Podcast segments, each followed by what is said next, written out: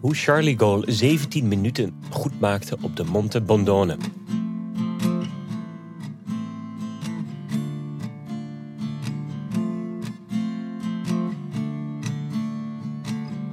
Op de flanken van de Monte Bondone doorstond de Luxemburgse klimmer Charlie Gaulle sneeuwstormen en ijzige temperaturen.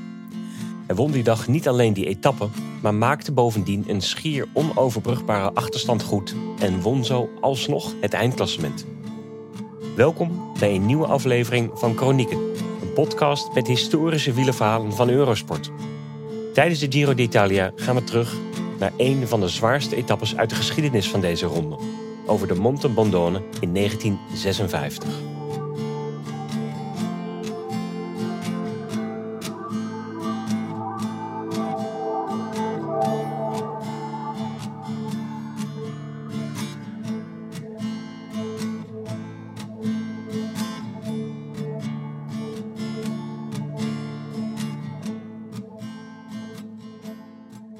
Bezorgd om de gezondheid van de halfdode man die hij zo net had aangetroffen in een greppel langs de weg, belde een boer naar het plaatselijke politiebureau in Trento.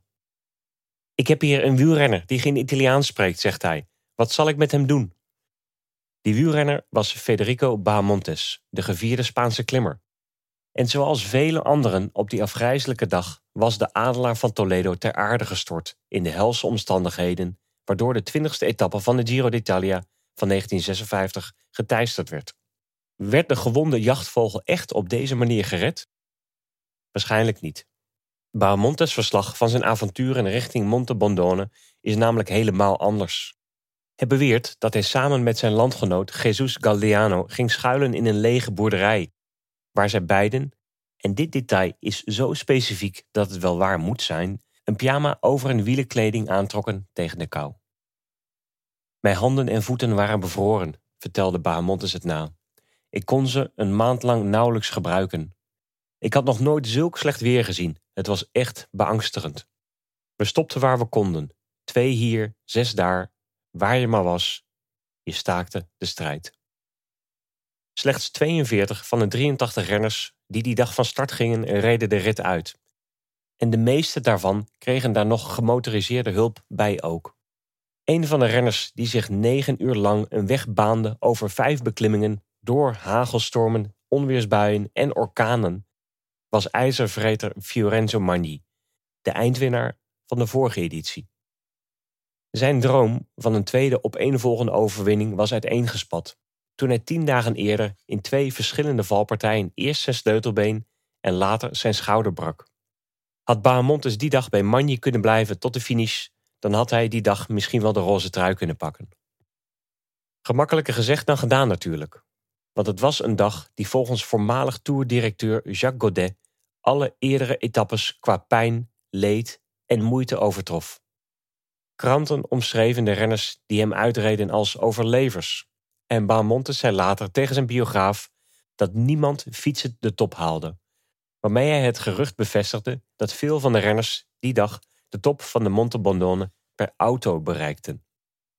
Uiteindelijk werden we opgepikt door een vrachtwagen, herinnert Bahamontes zich. We gaven het allemaal op en wie dat ontkent, liegt. Onder andere klassementsleider Pasquale Fornara en virtueel roze truidrager Nino De Filippis gooiden de handdoek in de ring.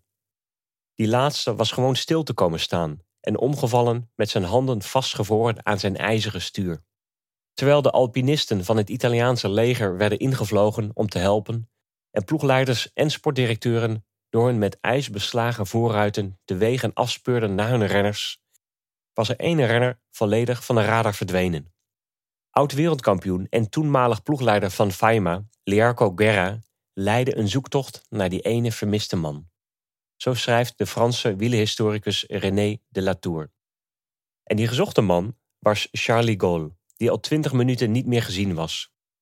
Guerra reed door de bergpas en tuurde door zijn dichtgesneeuwde ruiten en plots zag hij per toeval een fiets tegen de muur van een vervallen trattoria staan. Dat is Charlie's fiets, riep hij uit naar zijn mechanieker. Gaulle stond 24e aan het begin van de etappe, met meer dan 16 minuten achterstand op de leider.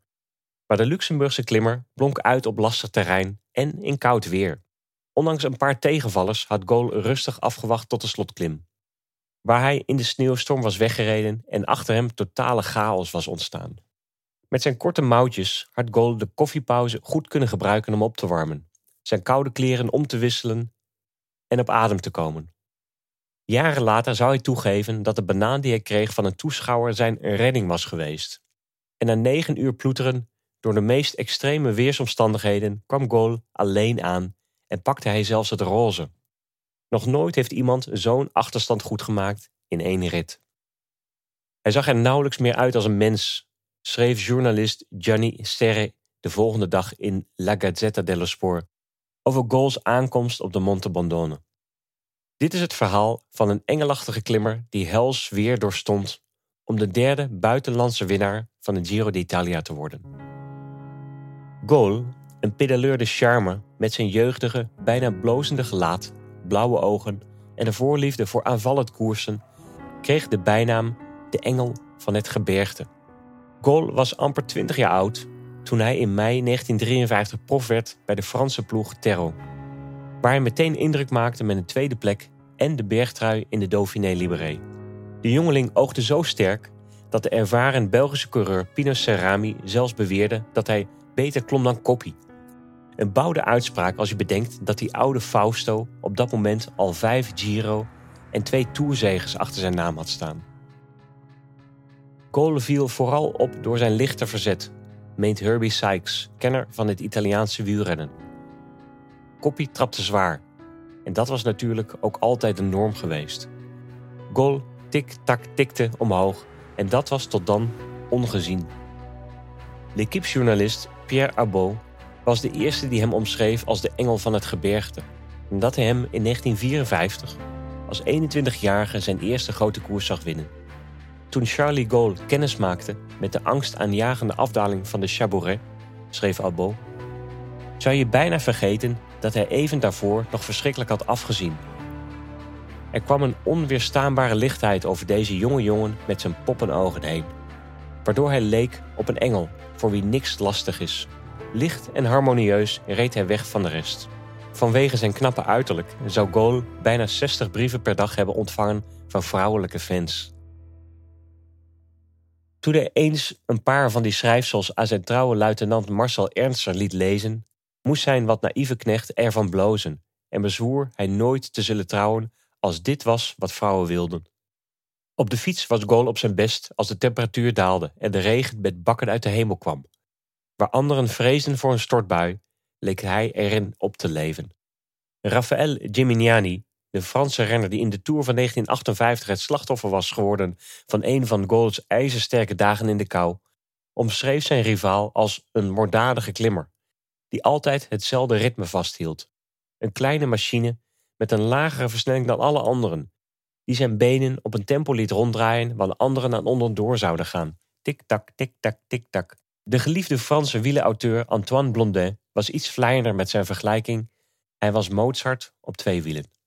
Als we tegen elkaar koersten, waren we onverenigbaar, zei Bahamontes na Gauls dood in 2005.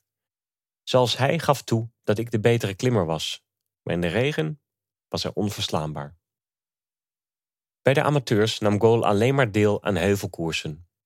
Hoe goed hij ook was als klimmer, het kostte hem enige tijd om zich aan te passen bij de profs. Zijn eerste twee tours reed hij niet uit. En pas halverwege de jaren 50 kreeg hij het onder de knie om te rijden in een peloton, positie te kiezen en de vlakke etappes in meerdaagse wedstrijden te overleven. Het bezorgde hem een podiumplek in de Tour van 1955, waar hij zowel een etappe in de Alpen als in de Pyreneeën won. Het stempel Engel van het Gebergte paste op veel vlakken niet goed bij iemand die zo somber, teruggetrokken en blijkbaar gekweld werd een man van weinig woorden die nauwelijks vrienden had in het peloton. Het lijkt alsof een kwade god hem gedwongen heeft tot een vervloekt beroep, werd over hem geschreven. Hoewel de bijnaam aan hem zou blijven kleven tot aan zijn dood, een halve eeuw later omschreven zijn collega's hem als een humeurig figuur, dat nogal eens uit zijn slof schoot en wiens gedrag grensde aan het demonische. Bahamontes, die na hun bittere rivaliteit goed bevriend zou raken met Cole, sprak van een sterk karakter, afschuwelijk zelfs. Charlie Gaulle klom misschien als een engel, maar hij was er zelf absoluut geen een. schreef de auteur Chris Sidwells in zijn reeks Cycling Legends. Voordat hij wielrenner werd, werkte hij in de slagerij en op een dag bedreigde hij een rivaal door hem te zeggen dat hij zijn messen zou gaan halen en worstjes van hem zou gaan maken. Een dag nadat de versleten Campionissimo Coppi was afgestapt met een rugblessure, had Gol de zevende etappe naar Cambassone gewonnen en daarna ook nog de dertiende rit, een 2,5 kilometer lange tijdrit bergop richting Madonna di San Luca.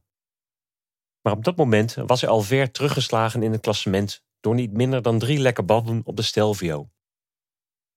De Luxemburger bevond zich met nog drie ritten te gaan in deze, eerlijk gezegd, wat saaie Giro terug op een 24e stek, 17 minuten achter de Italiaanse klassementsleider Pasquale Fornara. Het was het slot van een klote Giro, zegt Sykes. Er was eigenlijk niks gebeurd. Het was de eerste Giro na het tijdperk van Bartali, Coppi en Magni. Die laatste was er dan misschien nog en ook Coppi was eraan gestart. Maar hij was niet langer de renner die hij was geweest. En Gino Bartali deed inmiddels alleen nog maar verslag. Geen enkele Italiaan buiten die grote drie had in de laatste 17 jaar een Giro gewonnen. De organisatoren hadden in een poging om de Giro heruit te vinden de 39e editie gevuld met korte etappes en meerdere eveneens korte tijdritten. Het had tot gevolg dat sprinter Alessandro Fantini bijna anderhalve week lang het klassement aanvoerde, waarna Fornara, zelf ook absoluut geen geweldig ronde het stokje van hem overnam. De Italiaan ging met een magere voorsprong van 9 seconden de 20ste en laatste bergetappe in. Maar eigenlijk ging niemand er meer van uit dat er nog veel zou veranderen. Zo stond in La Gazzetta te lezen dat het beslissende deel van de Giro al achter de rug was. S'nachts sloeg het weer echter plots om. En tot op de dag van vandaag kunnen meteorologen niet verklaren hoe het kwik die dag ineens zo kon kelderen. Hoewel Gol excelleerde in slecht weer, zal zelfs hij gedacht hebben dat zijn achterstand te gortig was. Al zijn ploeggenoten van Faima, de Luxemburger, lag niet echt goed in de groep, want hij wilde nog wel eens het prijzengeld voor zichzelf houden, hadden die ochtend gedreigd uit koers te stappen. De roze trui zou dan buiten zijn bereik liggen, de klimengel wilde er alsnog een pleziertje uithalen. Deze Giro kon trouwens wel wat spektakel in de sneeuw gebruiken zo vlak voor het einde. Er moest iets gebeuren. Zo is Sykes het jaren later met hem eens. Sprinter Fantini reed tien dagen in de roze. Er moest iets gebeuren en er gebeurde ook iets. Iets apocalyptisch.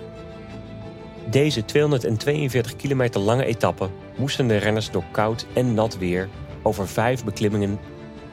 Deze 242 kilometer lange etappe moesten de renners door koud en nat weer over vijf beklimmingen in de Dolomieten. Gol en Bahamontes lieten al op de eerste klim, de Costa Lunga, met een aanval hun intenties zien. Ze werden in de afdaling bijgehaald, maar op de Passarolle, de volgende klim, ging Gol weer. Klassementsleider Fornara kwam op vier minuten achterstand boven en de Luxemburger leek vertrokken. Maar twee lekke banden sloegen hem een flink eind terug. Gol begon daardoor alsnog ver achter de kop van de koers aan de derde berg van de dag, de Brocon, toen het nog harder ging regenen. Met zijn kenmerkende lichte verzet passeerde Gol al snel de roze trui, waarna zijn vizier op het Italiaanse duo Magni en de Filippis was gericht. Gol was op zijn best in slecht weer en die dag was het beren slecht. Inmiddels zat iedereen alleen en was drukker bezig met overleven dan het winnen van een koers, zegt Les Woodland. Hier was het ook dat Baumontes al dan niet in een greppel of andermans pyjama belandde. Hoe dan ook is de Spanjaard duidelijk over het verloop van de koers. Er waren lawines geweest en er lagen stenen zo groot als kledingkasten op de weg. Charlie Gaulle liep er verminkingen op en mijn handen en voeten waren bevroren. Ik kon ze een maand lang nauwelijks bewegen. Gaulle ging al snel Magni voorbij en kort daarna ook de Philippis, de virtuele roze trui. Op dat moment was Gaulle nog maar twee minuten verwijderd van koploper Bruno Monti. Maar de leiderstrui was een stuk verder weg. Het verschrikkelijke weer brak de Philippis uiteindelijk op op de ene laatste klim. Hoewel hij op weg was naar de roze, had hij het heel zwaar, zowel met de elementen als met de stijgingspercentages. Vlak nadat hij gegrepen was door de groep met daarin Fornara, viel hij om en moest hij de ploegwagen van Bianchi in. Vlak nadat hij gegrepen was door de groep met daarin Fornara viel hij om en moest hij de ploegwagen van Bianchi ingetild worden. Hij zou zijn ploegleider gezegd hebben dat hij voor nog geen 10 miljoen lieren weer op de fiets zou stappen. Niet veel later volgden andere renners, waaronder Fornara zijn voorbeeld. Magni herinnerde zich jaren later. Het sneeuwde de hele dag. Ik had het nauwelijks gemerkt. Ik zag langs de weg allemaal fietsen tegen cafés aanstaan en vroeg wat er aan de hand was. Ze vertelden me dat het hele peloton bevroren was en had moeten afstappen. Vervolgens zag ik voor ik Trento binnenreed ook voor Nara stoppen. Wat? Verbeeld ik het me nu? vroeg ik mezelf af. Als ik de roze trui had gehad, dan zou ik zelfs lopend door zijn gegaan, maar ik zou nooit afstappen. Niet geheel onverwacht, uit de mond van een man die een paar dagen eerder nog op een binnenband moest bijten om de pijn van twee gebroken botten te verdringen. Terwijl de overgebleven renners door Trento kwamen, was het inmiddels niet meer ondenkbaar dat een 23-jarige goal, die in de afdaling zijn voeten bijna even vaak als zijn remmen moest gebruiken, niet alleen de etappe kon gaan winnen, maar ook het eindklassement. Dan moest hij wel de klim naar de onbeschutte top van de Monte Bondone zien te overleven. De renners gingen voor het eerst in de geschiedenis van de Giro over de zogenaamde Berg van Trento, die in 16 kilometer van 192 naar 1300 meter stijgt en 30 haarspeldbochten telt. De klim verwierf meteen een mythische status.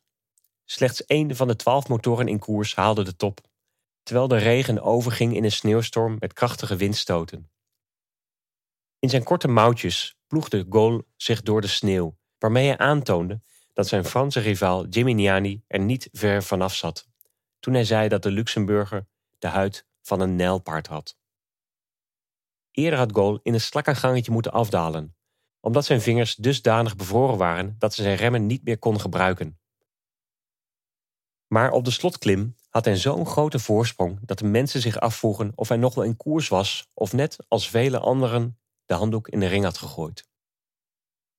Toen zijn manager Liarco Guerra Gol had gevonden, was diens voorsprong enorm, maar de overwinning was nog verre van zeker. René de Latour beschreef de scène als volgt in Sporting Cyclist.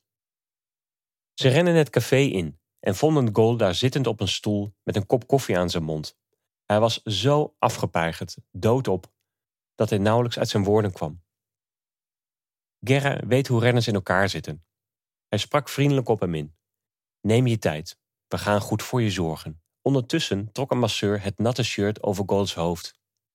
Gerre had wat water laten opwarmen en gooide het over het koude lichaam van de renner, waarna hij hem er van top tot teen mee insmeerde. Langzaam kwam Gols lichaam weer tot leven. De glazige blik verdween uit zijn ogen en na een paar minuten was hij als herboren. Dat hield niet lang stand. Er waren momenten op die slotklim dat Gol zijn ploegleider zei dat hij doodging van de kou. Waarop Gerra antwoordde: Vooruit, sterf dan, maar wel pas in de roze trui. Natuurlijk was Gol niet de enige die het zwaar had.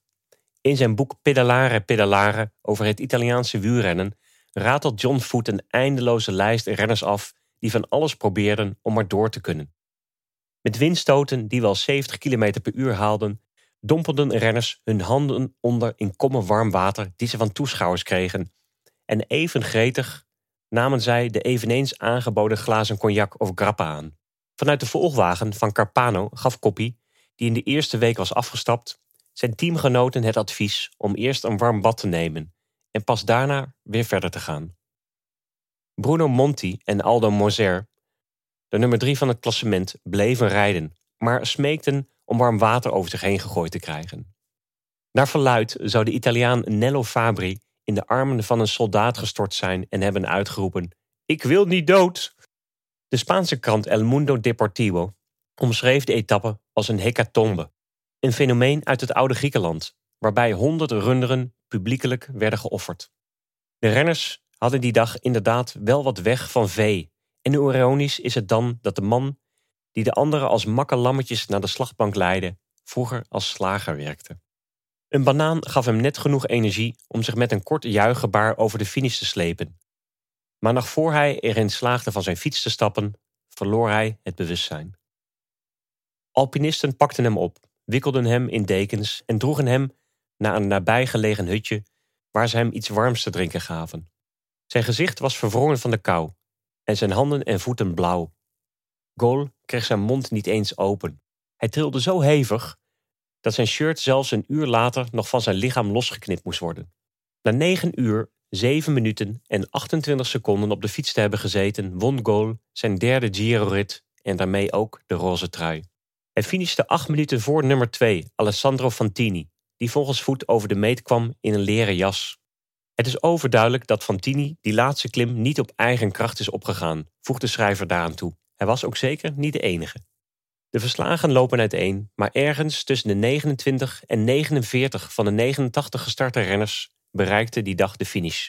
Al is het aantal dat dat al fietsen deed nog veel lager. Velen hadden een lift van een vrachtwagen gekregen, terwijl anderen in een volgwagen waren gestapt, voordat ze demonstratief het laatste stukje per fiets aflegden om disqualificatie te voorkomen. Hoe het ook zij, volgens de geschiedenisboeken knokte Manji zich naar een derde plek, op meer dan 12 minuten achterstand. De top 23 van het klassement, alle renners dus die voor goal stonden, hadden ofwel opgegeven, opkwamen ver achter Manji binnen. De rode lantaarn van die dag deed er zelfs meer dan 11 uur over, terwijl al goals ploeggenoten van Faema de strijd gestaakt hadden. Ondertussen was de etappewinnaar in een warm bad gelegd, waar hij meer dan een half uur in bleef en langzaam opwarmde. Gol had blijkbaar last van een vorm van geheugenverlies, want toen hij weer bij kennis kwam, kon hij zich niks meer herinneren. Nadat hem nogmaals verteld werd dat hij het roze had gepakt, begon Gol te schelden en te tieren en vervloekte hij de dag dat hij voor het eerst op de fiets was gestapt. Nog nooit had iemand in de Giro d'Italia op één dag zo'n achterstand goed gemaakt. En nu, bijna 70 jaar later, is dat record nog altijd ongeëvenaard. De ronde was echter nog niet voorbij, want er moesten nog twee vlakke etappes verreden worden. En Manji, titelverdediger en middels tweede in de rangschikking op bijna 3,5 minuut van de leider, had de moed nog niet opgegeven. Probeerde Gold die laatste etappes aan te vallen en zo mijn vierde Giro te winnen, zo zou Magni later toegeven. Maar hij was gewoon te sterk. Gol reed Milaan binnen als derde buitenlandse winnaar van de Giro, na de Zwitser Hugo Coblet in 1950 en diens doublure en landgenoot Carlo Clerici vier jaar later. De basis van Gols zegen werd gelegd in een direct legendarische koers die bijna alleen vergeleken kan worden met Milaanse Remo van 1910, die onder gelijkaardig barbaars omstandigheden werd gewonnen door Eugène Christophe. John Foote schrijft in zijn boek dat Goals overwinning in die apocalyptische etappe over de Monte Bondone een triomf was voor Gol, maar ook de sport revolutionaliseerde. Maar er was ook twijfel. Had de winnaar die dag misschien, begrijpelijkerwijs, ook geprofiteerd van vals spel? Federico is daar in elk geval van overtuigd. Als de adelaar van Toledo die dag de rit had uitgereden, dan was hij waarschijnlijk de eerste Spaanse Giro-winnaar geworden.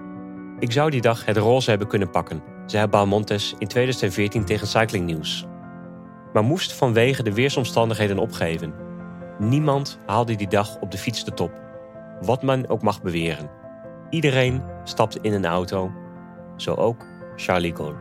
Hoewel het valsspelen van Gaulle nooit bewezen is, tegen de aantijgingen van Beaumontes kon hij zich niet meer verdedigen, want de Luxemburger was op dat moment al negen jaar dood.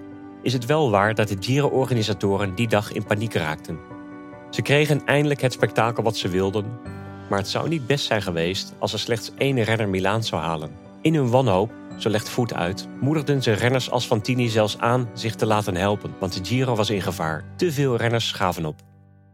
Als we Bahamontes moeten geloven, mochten zelfs de renners die in auto's of vrachtwagens de finish hadden bereikt, de volgende dag weer opstappen. De volgende dag, zo vertelde hij verder, gingen de organisatoren langs bij de hotels om te vragen of zelfs de afstappers de etappe wilden rijden, want ze wilden geen klein peloton. Als man van eer sloeg Bahamontes het aanbod natuurlijk af. Tegenwoordig zou het dopinggebruik van Gol waarschijnlijk sterker worden afgekeurd dan een mogelijke gemotoriseerde ondersteuning op die helse dag. Het staat nagenoeg vast dat Gol niet alleen op een simpel banaantje de top haalde, maar daarbij ook een stevige dosis amfetamine tot zich genomen had. Publiceerde ooit een gesprek tussen Marcel Ernstser en zijn kopman, land- en kamergenoot waarin een sombere goal over zichzelf in de derde persoon het volgende zei: Charlie gaat dood. Op de vraag waarom hij dat dacht, antwoordde hij: omdat Charlie te veel pillen slikt. Maar dat doet iedereen, zei Ernst. Amfetaminepillen waren destijds niet officieel verboden. Ja, maar Charlie slikt er veel meer van dan de anderen, luidde het antwoord. De geschiedenis herhaalde zich toen Gaulle op gelijkaardige wijze de Tour de France van 1958 won. Op de laatste dag in de Alpen stond Gaulle, die al wel twee etappes won, waaronder een tijdrit op de Mont Ventoux, op een zesde plek, 16 minuten achter Gimignani. Het was de 21ste van 24 ritten. Het was steenkoud en de regen kwam met bakken uit de hemel. Gaulle liep over van het zelfvertrouwen. Voor de etappe stapte hij op zijn grote Franse rivaal Louison Bobet af en vertelde de drievoudig toerwinnaar waar hij zou aanvallen en de kansen van diens teamgenoot de grond in zou boren. Gaulle kwam zijn belofte na, soleerde na de zege in Aix-les-Bains met bijna acht minuten voorsprong op zijn naaste achtervolger. Gimignani verloor 14 minuten en het geel, terwijl Bobet zelfs nog vijf minuten meer moest prijsgeven. Hiermee revancheerde Luxemburger zich voor de keer dat Bobet hem vernederde bij zijn titelverdediging in de Giro. Terwijl Gaulle bezig was zijn behoefte te doen langs de kanten van de weg, ging de Fransman in de aanval. Het leverde Gaulle de bijnaam Monsieur Pipi op. Hij was er blijkbaar zo nijdig over dat hij Bobet eraan herinnerde dat hij dankzij zijn vorige baan om kon gaan met een mes en dat hij er niet voor terugdeinsde dat talent te gebruiken. Gaulle had vervolgens genoeg aan winst op de ene laatste dag in een tijdrit. Zijn vierde dagzege in die Tour van 1958 om het geel te grijpen en de ronde te winnen. Een jaar later won hij zijn tweede Giro ten koste van Anquetil. Nadat zijn trouwe knecht Marcel Ernster, die in geval van nood altijd op een identieke fiets reed, in 1962 met pensioen ging, had Gaulle moeite, motivatie en zijn goede benen terug te vinden. Hij stopte, keerde terug, maar zwaaide in 1965 voorgoed af om vervolgens in de buurt van het station van Luxemburgstad een café te beginnen. Na zes maanden werd die alweer gesloten. Daarna ging Gaulle ergens diep in de Ardennen in een hutje in het bos wonen, waar hij groente ging telen, veel dronk en een baard en buik liet staan na het stuklopen van zijn tweede huwelijk. Hij weigerde nog te spreken met journalisten en bracht zijn dagen door met het luisteren naar vogels. Er was er afgesloten van de buitenwereld. Door een derde huwelijk kwam hij er weer een beetje bovenop. Hij keerde terug naar de bewoonde wereld en kreeg een dochtertje. Hij kocht een televisie en keek daarop zelfs naar de Tour de France. Al snel ging hij op het Luxemburgse ministerie van Sport aan de slag als archivaris en hij sprak weer met journalisten, waarbij hij openlijk sprak over zijn jaren als kluizenaar. Het is lastig een normaal leven op te pikken als je wielrenner bent geweest, legde hij uit. In die tijd ontstond er ook een vriendschap tussen hem en een andere kwetsbare klimmer, Marco Pantani. Gol was eregast toen de Tour in 89 startte in zijn thuisland en in 2000 mocht hij na elke etappe plaatsnemen op het podium.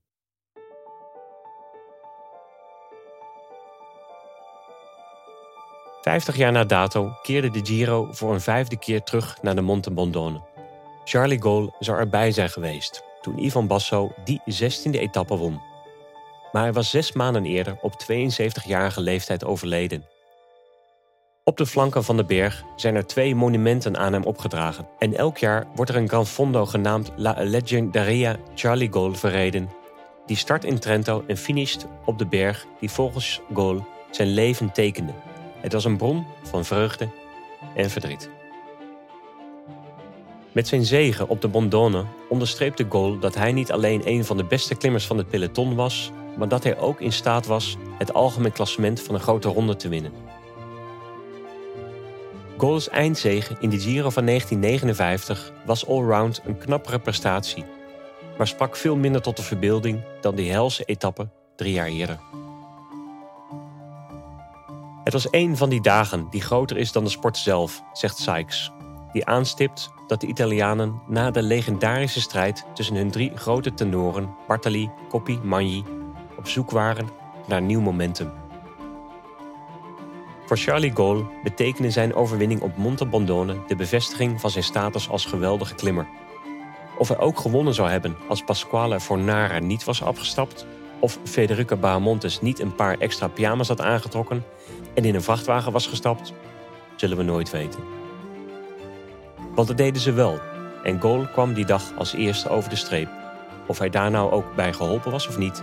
En daarmee boekte hij een overwinning die hem voor altijd energie zou geven, maar ook zal blijven achtervolgen.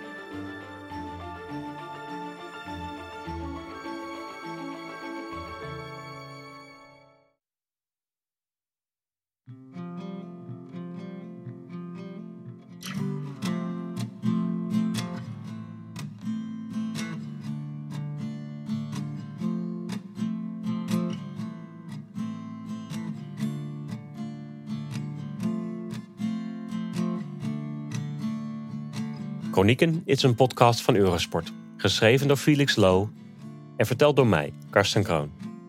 Verwerking en eindredactie zijn van Sander Grasman en productie door Fabian Collau. Meer stukjes wielenhistorie, meer stukjes wielenhistorie door Felix zijn te vinden op Twitter via @saddleblaze. Als je mij wilt volgen, kan dat via @karstenkroon op Twitter. Eurosport volg je via @eurosport_nl. Bovendien vind je ons op Instagram en Facebook. Alle afleveringen van Chronieken zijn ook te lezen als artikel op eurosport.nl. Dit was de negende aflevering van het derde seizoen. Dus als je hebt genoten van deze etappe uit de wielergeschiedenis, meld je dan aan, vertel het door en beoordeel ons bij jouw podcastaanbieder. Tot de volgende keer als we teruggaan naar de jaren dat Erik Breukink op weg leek de eerste Nederlandse Giro-winnaar te worden.